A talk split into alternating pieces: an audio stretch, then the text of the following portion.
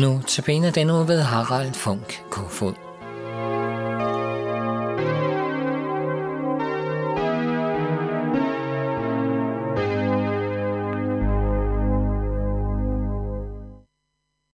I den kommende uge er det Harald Funk Kofod, som holder notabene-andagterne. Jeg, Henning Gorte, har Harald her i studiet, og vil anledning til at præsentere Harald. Velkommen, Harald. Tak for det.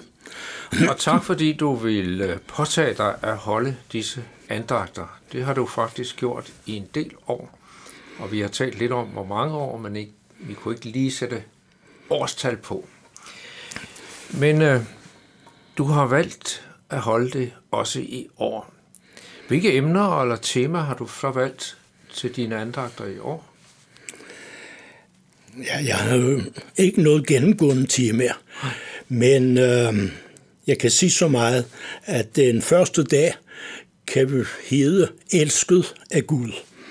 Og de næste fire gange øh, er ud fra Jonas' bog, og den øh, sidste gang, som så bliver den sjette, kan vi kalde himmelængsel. Ja. Så, det Så det. du har et stort spektre der. Er der nogle særlige grunde til, at det lige er blevet de tekster, du har valgt? Nej, det kan jeg ikke se. Du har ikke, øh, der er noget, der måske er... Jo, men det er jo nok, for, med. fordi jeg har mødt det på forskellige vis i, i det forgangne år. Ja. Men Harald, du laver jo andet end at lave andagter. Men øh, du har været pensionist i nogle år. Og øh, når man bliver pensionist, så har man jo en frihed til i hvert fald at lave noget andet arbejde. For jeg ved, du har ikke øh, bare siddet derhjemme, men du har været med i en del. Øh, For eksempel ved jeg, at du har været med i DBI.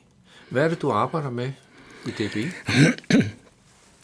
Ja, vi har også en del år været engageret i DBI, og det vi gør i DBI, det er, at vi pakker breve. Øhm, specielt så pakker vi bladene, som de sender ud for her for ja. nogle år siden. Øh, bliver det dyrere at sende bladene ud som blade, og derfor putter vi dem i kuverter og sender dem. Ja. Specielt til Færøerne, men i det hele taget til udlandet, altså uden for Danmarks grænser. Nu hører Færøerne måske også med til Danmark, men vi øh, pakker øh, cirka 500 ja. til Færøerne.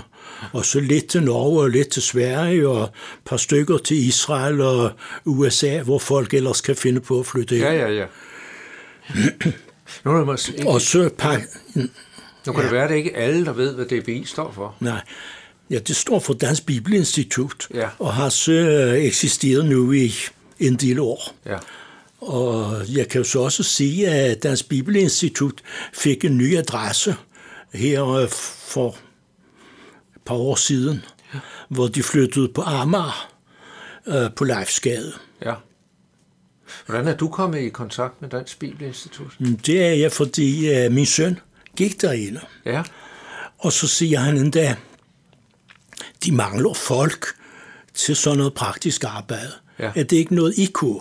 Ja. Altså både min kone og mig. ja. Og så synes vi, det kunne vi godt. Der var I pensionister. Ja, Ja. Så der kunne så, I... så det kunne vi godt. Og det har I så været i en del år. Ja, Er der andet end at pakke breve, I også jamen så jeg pakke også, øh, fordi det her Bibelinstitut, de mangler gerne penge. Ja. Så, og det kan jeg så benytte lejligheden måske til at sige, at det er en god idé at give nogle penge til Dansk Bibelinstitut. Men øh, indimellem mangler de penge, og så øh, fabrikerer de et brev, som vi så sender ud Ja. til deres venner, eller altså de bigivere. Ja. Jeg har hørt, der er nogen, der også sidder eksamensvagt. Gør du også det? Ja, det har jeg også Hvad laver man så med eksamensvagt? ja, der sidder man bare og hygger sig og holder øje med de her studerende, som er til eksamen, at de ikke øh, snakker sammen. Ja, det må man ikke. Nej, det er ligesom andre eksamener, ja.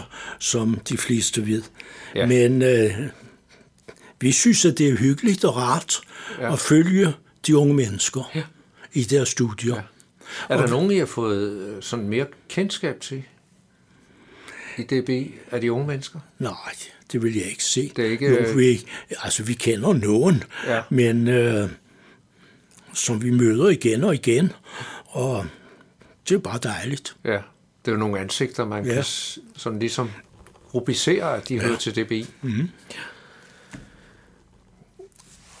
Øh, se, der var så en anden ting, du også har beskæftiget dig med. Fordi jeg kan huske sidste gang, vi snakkede sammen, da du holdt en andagt, der talte du noget om et seniorarbejde.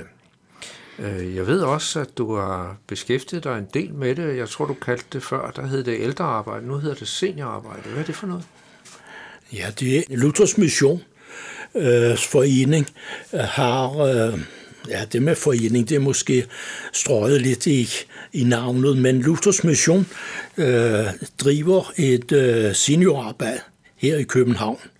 Og det har vi så sagt ja til at tage os af hvor vi afløste øh, nogle af vores øh, ældre venner, som hedder Christian og Grete Sørensen, ja. som også er velkendt her fra Nærradioen.